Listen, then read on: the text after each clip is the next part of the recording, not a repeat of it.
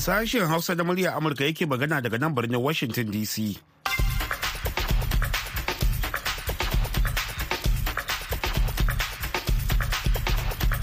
Masu sauraro Assalamu alaikum da fata an tashi lafiya. Baba Yakubu makeri ne tare da Muhammad Hafiz Baballe da sauran abokan aiki.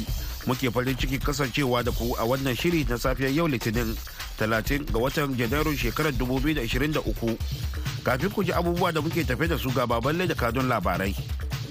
To baba, Majalisar Wakilan Najeriya ta yi watsi da wa'adin kwanaki goma da babban bankin ƙasar CBN ya kara na musayar tsofaffin takardun kuɗi.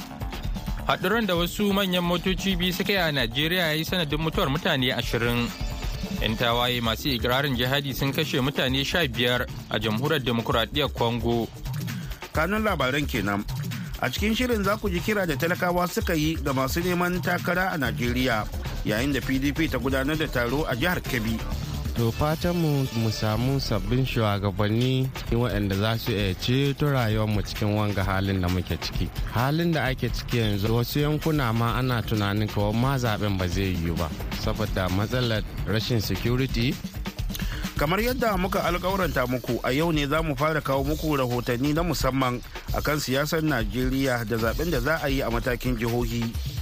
Kamar kowace safiyar litinin yau ma muna tafe da shirin ciki da gaskiya da sarfila hashin gumal zai gabatar. Amma yanzu sai a gyara zama don jin kashin farko na labaran duniya. Jama'a assalamu alaikum. Ga cikakkun labaran duniya. Mai karantawa muhammad hafiz baballe. Kwamitin wucin gadi da majalisar wakilai ta nada kan sabbin tsare-tsaren nera da manufar musanya nera ya yi watsi da wa'adin kwanaki goma da babban bankin najeriya cbn ya kara na musayar tsofaffin takardun kuɗi. Shugaban kwamitin kuma shugaban masu rinjaya majalisar wakilai alhassan adu dogo ya bayyana wa murya amurka cewa doka ta ashirin ƙaramin sashi na uku huɗu da biyar na dokar da ta kafa babban bankin bata ba da hurumin ɗaukan wannan mataki ba. Gwamnan babban bankin najeriya da kuma bankin kansa cbn ba su ne suka yi kansu ba doka ce ta ƙasa ta yi su. Ita ce kuma ta ba su dama za su iya yin abin da ake kira canza kuɗi daga yanayin da suke ciki yanzu zuwa sabon tsari ko sabon salo. Wannan dokar da ta kafa su ta kuma ba su wannan damar ita ce a kashi na ashirin ƙaramin sashe na uku da huɗu da biyar ta ce babu wani sashe na wannan dokar da ya haramta amfani da tsohon kuɗi lokacin da aka canza shi har sai lokacin da ya ƙare don kansa babu kuɗi tsohon kuɗin babu shi a cikin tsarin kasuwanni da hada-hadar ciniki da ake yi. Shugaban kwamitin kuma shugaban masu rinjaya majalisar wakilai Alhassan Ado Doguwa a hirar shi da murya Amurka. Muna tafa da cikakken rahoto a shirinmu na hantsi.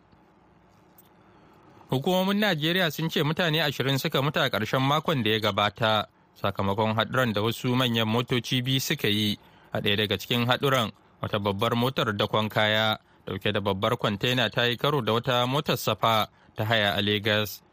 Hukumar kula da zirga-zirga ababen hawa ta jihar Legas ko Lasma Lahadi ta ce sun yi nasarar ceto mutane huɗu bayan shafa sawoyi huɗu suna gudanar da aiki a Ojuleba da ke yankin kudu maso yammacin jihar. Olufemi Oke Osanyutolu shine sakataren dindindin na Lasma. We've um, completed the operations. We have um, uh, put the dead bodies into the mortuary. Ya ce mun kammala aikin ceton mun kai gawarwakin zuwa ɗakin ajiyar gawarwaki sannan ɗayar da aka ceto an kai ta asibiti inda take samun kulawar da ta dace. Za mu duba abin sosai, za mu gudanar da bincike. Oke Osanyutolu ya ce an cire shingayen da hukumomi suka dora a jikin gadar domin hana manyan motoci hawa. Ya ce 'yan sanda za su gaba da gudanar da bincike kan lamarin. Wasu hare-hare da aka kai a ƙauyukan gabashin congo da ake dangantawa da 'yan tawayin adf da ke da alaka da ƙungiyar is ya yi sanadin mutuwar akalla mutane sha biyar jiya lahadi kamar yadda jami'an yankin suka bayyana. Waɗannan kashe-kashe na baya-bayan nan da yana zuwa ne mako guda bayan wani hari makamancin wannan da ya yi sanadin mutuwar mutane fiye da ashirin. An kai har-haren lokaci guda a wannan lahadin tsakanin ƙarfe huɗu na safe zuwa biyar na safe a ƙauyuka uku in ji diodone malangai. Malangai ya shaida wa kamfanin dillancin labarai na afp cewa a ƙauyen manyala mun gano gawarwaki bakwai sannan a ofe akwai gawarwaki takwas da suka hada da mata bakwai. Ya kuma nuna cewa kila adadin waɗanda suka mutu na ƙarshe ya zarta haka. Wata majiyar ƙungiyar ba da agaji ta tabbatar da mutuwar mutane bakwai a manyala da kuma akalla takwas a ofe.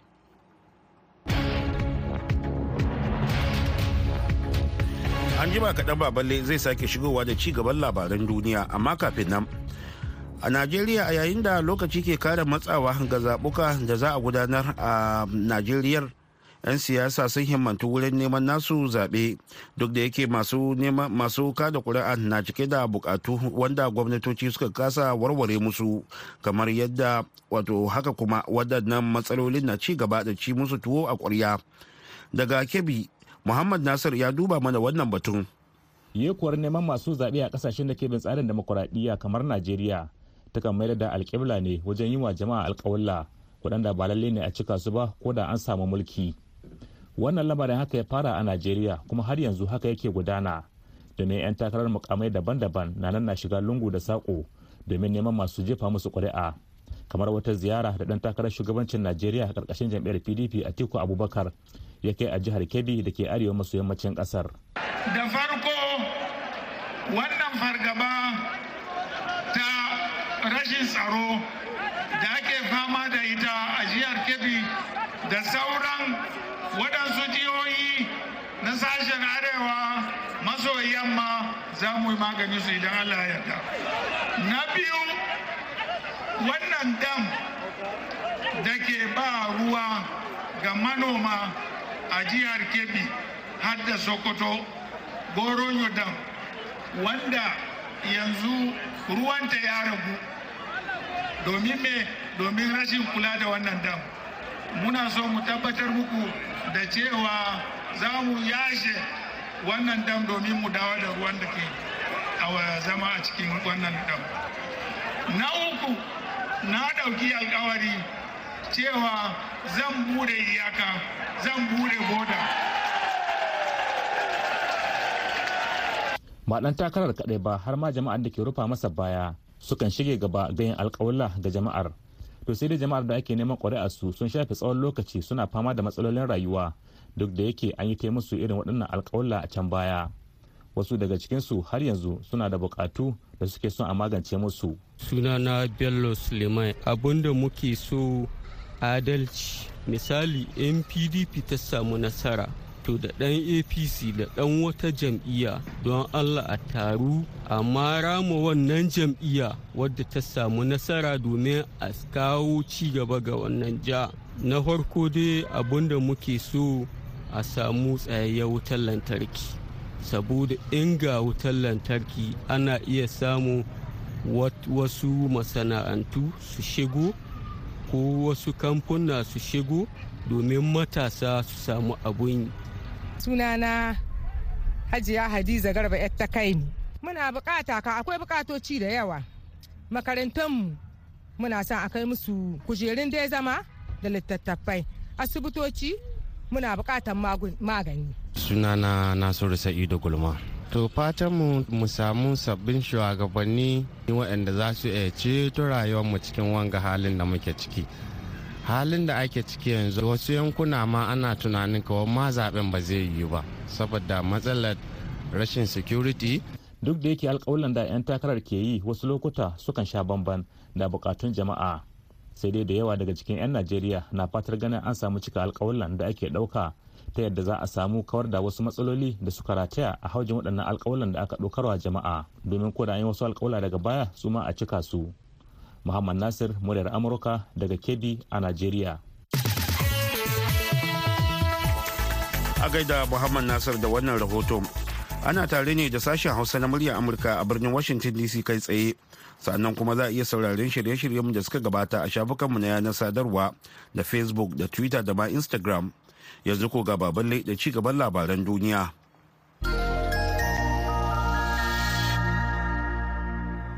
jiya lahadi ƙasashen rasha da ukraine suka yi ikirari masu cin karo da juna kan wanda ke da iko da yankin da ke kusa da blahodadni a gabashin yankin donetsk kamfanin sojojin hayar rasha mai suna wagner group yana da awar cewa ya ƙwace ƙauyen yayin da rundunar sojojin ukraine suka ce dakarunta sun daƙile harin wata rundunar sojan ukraine sun daƙile har-har masu mamaya a yankunan da ke ne a yankin donetsk.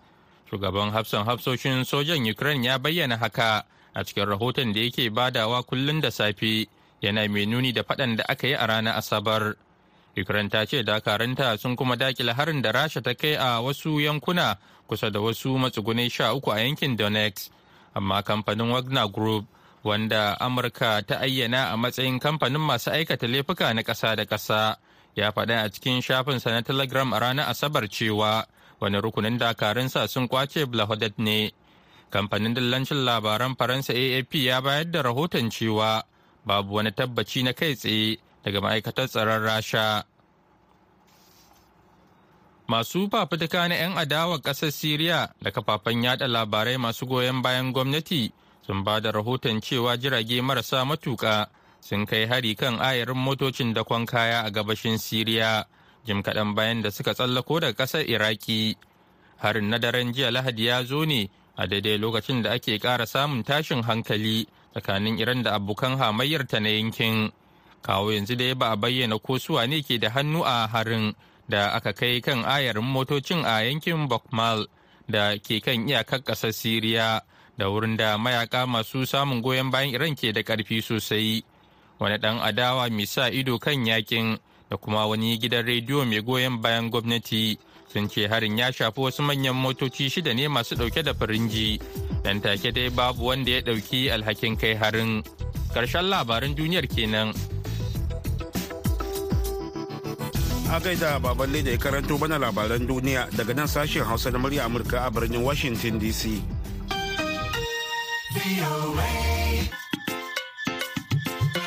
To madalla yanzu ko bari mu je ga rahotonmu na musamman akan siyasar Najeriya a matakin jihohi da ma babban birnin tarayya a daidai lokacin da babban zaɓen ƙasar ke ƙara karatowa. A yau za mu fara ne daga birnin tarayya Abuja inda wakiliyarmu Madina Dauda ta haɗa mana wannan rahoton. Talaka kamar kuka kuri'ar ka yancinka ka riƙe makamanka ita za ta cece ka talaka kamar kuka Shugaban ƙasa a zamanin mulkin soja, marigayi janar Murtala Ramat Muhammad shi ne ya aina Abuja a matsayin wuri da zai zama sabon babban birnin ƙasar a shekara 1976.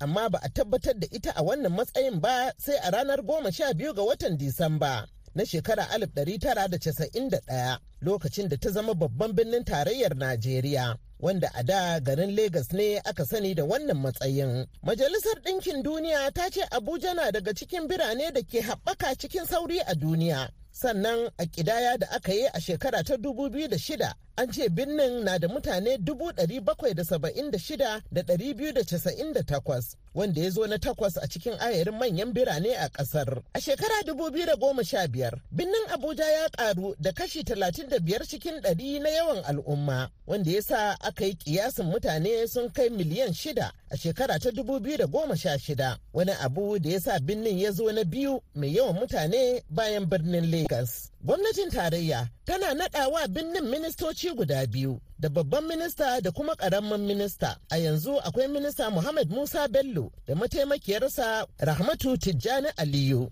Minista Muhammad Bello shine na goma sha shida a cikin ayarin waɗanda suka riƙe birnin tun daga alif ɗari tara da saba'in da shida. Abuja ba jiha ba ce, saboda haka ba sa yin zaɓen gwamnoni sai zaɓen shugaban ƙasa da na 'yan majalisun tarayya. Wannan birni yana da ƙananan hukumomi guda shida. Ana zaɓen shugabannin ƙananan hukumomin a duk bayan shekara uku. Shugaban hukumar zaɓe ta birnin tarayya wato Resident Electoral Commissioner a Turanci, Alhaji Yahaya Bello ya yi ƙarin haske. Muna Abuja muna da Senate seat ƙwaya guda ɗaya, muna da House of Reps ƙwaya guda biyu, sai zaɓen shugaban ƙasa wanda za a yi. A yanzu duk wani kayan aiki a yi wannan zaɓen Allah kai mu ranar 25 kashi fiye da 85 suna nan. Ko nan ofis ko suna area council dinmu ƙananan hukumomi guda shida. Abinda ba sa nan yanzu ya rage guda uku. Su ne ballot papers katin zaɓe saboda wannan muhimman abubuwa ne sai an kusa zaɓe suke zuwa. Sai kuma sakamakon zaɓe takardan shi ma baya nan. An kusa sannan zai zo. Sannan mabi da su mutane da za su yi mana aiki tireni ɗinsu an kusa yanzu. Akwai asalin birnin tarayya waɗanda aka same su a cikin birnin abuja da kewaye waɗanda yawancinsu 'yan kabilar bagi ne tun fil azal suna da shugaban ƙungiyar 'yan asalin birnin tarayya wanda aka fi sani da owida pasto ɗanladi jeji ya yi bayanin yadda suka ɗauki zaɓe da ake yi a birnin musamman ma na shugaban ƙasa da na 'yan majalisun dokoki da kuma yadda ya shafe su. original habitat development association muna wayar da kai mutanenmu duka kowa da kowa ya samu katin zaɓensa kowa ya shiga ya zaɓi wanda yake so wanda zai fitar da mu a cikin wannan al'amarin da muna ciki a Najeriya gaba ɗaya.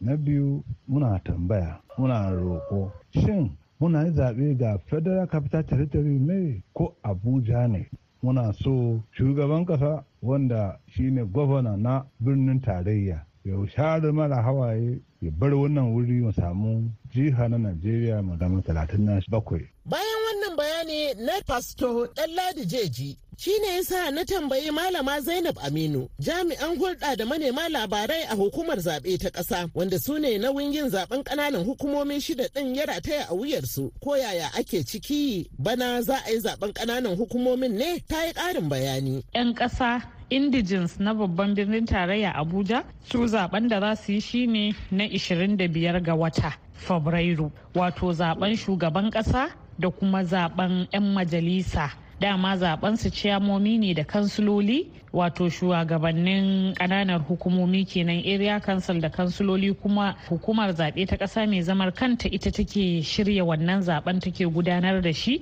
kamar yadda muka shirya shi muka kuma gudanar da shi a shekara ta 2022 a watan fabrairu.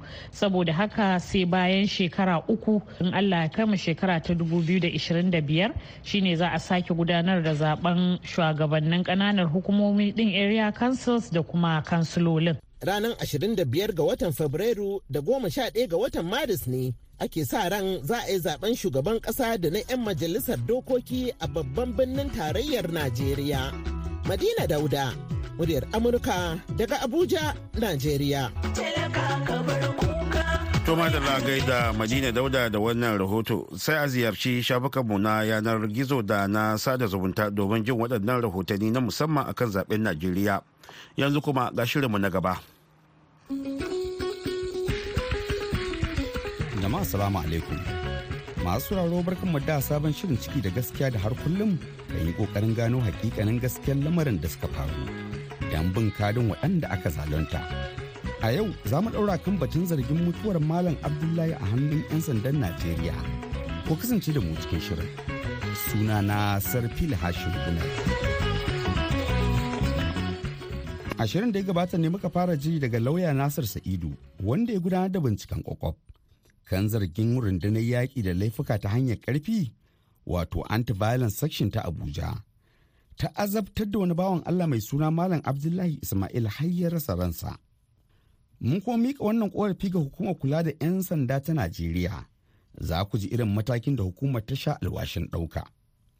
A yau, lauya Nasir zai ɗaura ne kan yadda aka gudanar da binciken musabbabin kisan Malam Abdullahi. Abun ban takaici shine wanda muka zo za mu tafi wannan aka je aka yi autopsy din akwai asibitoci a daga ofis din sas kamar yadda ka sani sas tana bayan garki so akwai asibitin asokwaro bai fi kilomita huɗu daga sas zuwa wajen ba. Akwai asibitin garki bai fi kilomita uku ba. Akwai asibitin wuse akwai asibitin metama wanda duka suna da kusanci da wannan ofis na sas amma ba a ɗauki gawan an kai su waɗannan wajajen ba sai aka ɗauki gawan aka kai ta can gwagwalada. So ko da muka je gwagwalada mun yi ƙoƙarin mu tabbatar da muka samu shi pathologist din da mortuary attendant mu ji a wani yanayi ne aka kawo gawan. Saboda akwai in duka ne ai a yanda aka kawo gawan mortuary attendant din zai iya gane kan cewa ga yanayin da aka kawo gawa. Na karɓe ta a yanayi kaza akwai alaman duka kaza akwai kaza akwai kaza. So mortuary attendant din su ma sun ki ba mu ma bayani akan yanayin da suka karɓa gawan.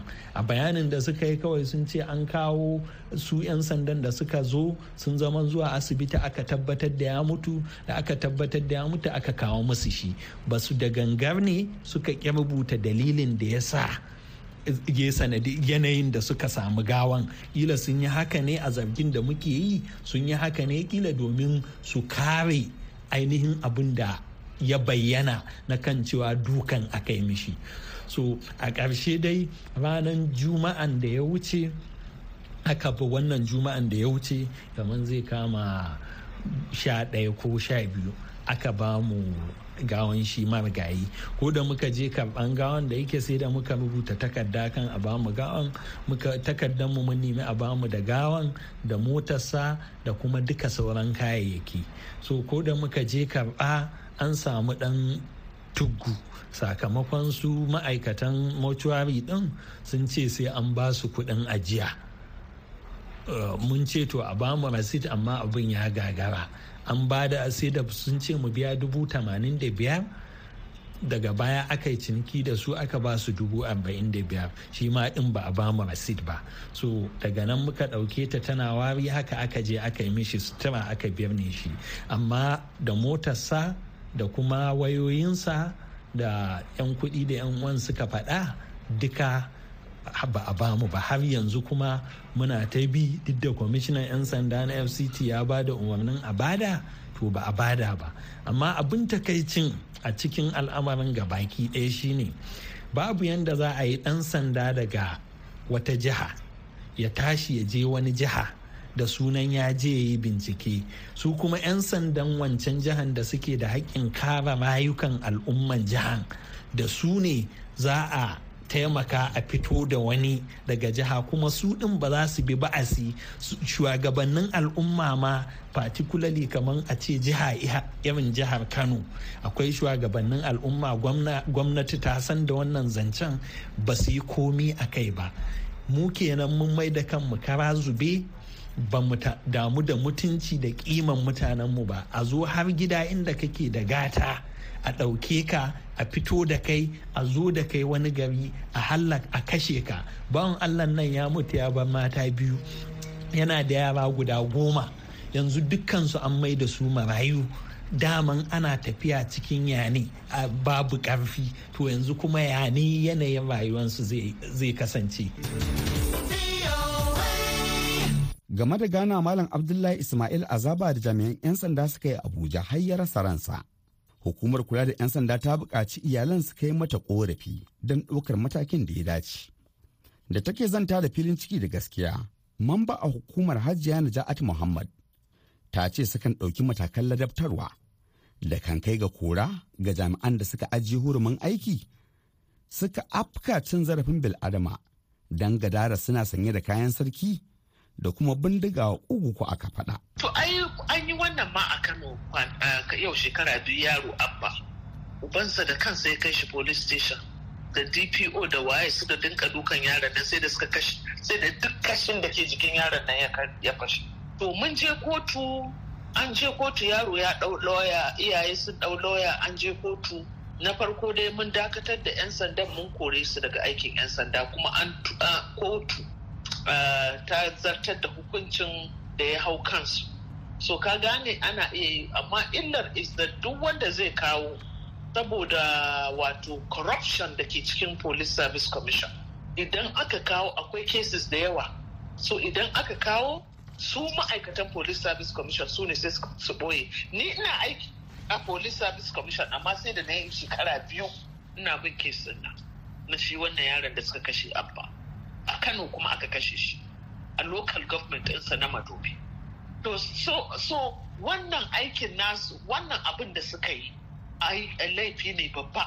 Kamata ya a kawo ƙararsu mu kuma mu ga iya abin da za mu iya yi. Kuma mu kanmu ne muke kai su ma in an kore su daga aikin 'yan sanda kuma kotu duk hukuncin da ta zarce a kanta a kansu kuma kaga wannan na kotu ne. To amma wannan matsalar wannan kisan da aka yi bara wanda na yi magana da lauyan shi yan uwan wannan da aka kama aka zo aka kashe su a hannun sas da ke nan abuja aka ɓoye gawar shi a gwagwalada shi ma kamar sun rubuta irin wannan kokin an kai ofishinku na hukumar sa ido akan ayyukan 'yan sanda amma wataƙila nan ma magana ma bata zo ga hukumar kuma ko? Department din da 'yan disciplinary department din su ne babban matsala. Saboda sai a nemi fayil a rasa. Na ce maka shekara biyu ina bin fayil din abba kashe abba da aka yi. Daga ƙarshe kotu ta zo ta ce sai an ba da diya. Ta ce za a ba da diya na miliyan 20 IG na police aka ce zai ba da miliyan goma police service commission ta ba da miliyan goma. Har rana irin ta police service commission ta ki ba da nata miliyan goma amma IG shi ya ba da nasa miliyan saboda haka abin da nake ƙoƙari in ce in za su rubuto sai su rubuto amma a tabbatar kowane kwamishina an danka masa takardar a hannunsa takardar karar da suka yi na 'yan sanda to in suka danka mana ni kamar yanzu aka danka min nawa. Ni zan iya bin sauran colleagues ina. Wato 'yan uwan abokan aiki na zan iya bin su mu tabbatar da cewar an zartar da hukunci in Allah ya yarda. In ba haka ba gaskiya akwai cases da yawa na shekara da shekaru wallahi boyewa suke su ma'aikatan gwamnatin su civil servants ba bala'in da ya wuce su. So saboda haka mu dai a police service commission in dai aka kawo in kowa ma bai ba ni zan yi da ƙarfin Allah. Zan za mu tafi kuma yanzu insha Allah insha Allah ina fata dai abubuwan za su dan gyaru. Amma gaskiya sai mun yi kamar muna yi. Kuma yanzu mun buɗe abin nan. Kaga da commissioners din ba su ba su sa bincike ba. Sai muke dogaro da da su civil servants amma yanzu akan harkar discipline akwai akwai dan commissioners guda biyu ma duka su kuma lauyoyi. Kuma an sa kwamiti na bincike. So ba ma jira a ce 'yan sanda ne za su bincike su kawo mana karar ɗan sanda. Don na ma kamar yadda kake ƙoƙari ka fahimta sunan din ma ba da kalar ake saboda haka the best thing dai abin da ya fi shine su aiko mana. In aka aiko kuma ai copy ga kowanne daga cikin. To aka yi haka to su sai waɗanda suke kan disciplinary committee din da suke lauyoyi ne suna da izinin da za su kira 'yan sandan yi musu tambayoyi waɗanda suka yi laifin so kuma daga baya duk abin da suka gani kuma za su suna da ikon da za su kori 'yan sandan kuma a kai su kotu kotu kuma duk yadda ta yi da su kuma kaga nan ba mu da iko. Jami'ar hukumar kula da 'yan sandan Najeriya kenan Najad Atu Muhammad. Masu sauraro da fatan dukkan masu matsala makamanciyar wannan su ma za su nemi hukumar kula da 'yan sanda domin su miƙa kukansu don tabbatar da an kwato musu haƙƙinsu. Sai a kasance da mu a mako mai zuwa domin jin wani sabon shirin. Yanzu a madadin wakilin Umar Faruk Musa da ke Abuja, nisar fila hashin gumel ke cewa mu kasance lafiya. To madalla da wannan ne kuma muka zo ga shirinmu na ƙarshe wato labarai amma a taƙaice. Majalisar Wakilan Najeriya ta yi watsi da wa'adin kwanaki goma da babban bankin ƙasar CBN ya ƙara da musayar tsoffin takardun kuɗi. Haɗuran da wasu manyan motoci biyu suka yi a Najeriya ya yi sanadin mutuwar mutane ashirin. 'Yan tawaye masu ikirarin jihadi sun kashe mutane sha biyar a jamhuriyar demokuraɗiyyar Congo. jiya lahadi ƙasashen rasha da ukraine suka yi ikirari masu cin karo da juna kan wanda ke da iko da yankin da ke kusa da blahodadne a gabashin yankin donetsk kamfanin sojojin hayar rasha mai suna wagner group yana da awar cewa ya ƙwace ƙauyen yayin da rundunar sojin ukraine suka ce dakarunta sun daƙile harin To duka-duka da wannan ne muka kawo ƙarshen shirinmu na wannan lokaci. Idan Allah ya kai mu da hantsi da misalin ƙarfe 8 agogon Najeriya, Nijar, Kamaru da Chadi wanda zai daidai da ƙarfe bakwai agogon gmt da ghana za ku ji mu ɗauke da wani sabon shiri. Yanzu a madadin muhammad hafiz baballe da ya taya ni gabatar da shirin da jumbe hamza da ya shirya ya ba da umarni da ma injiniyan mu na wannan safiyar mr carl baba ya ko makeri ne daga nan birnin washington dc nike sallama da ku. Salamu alaikum.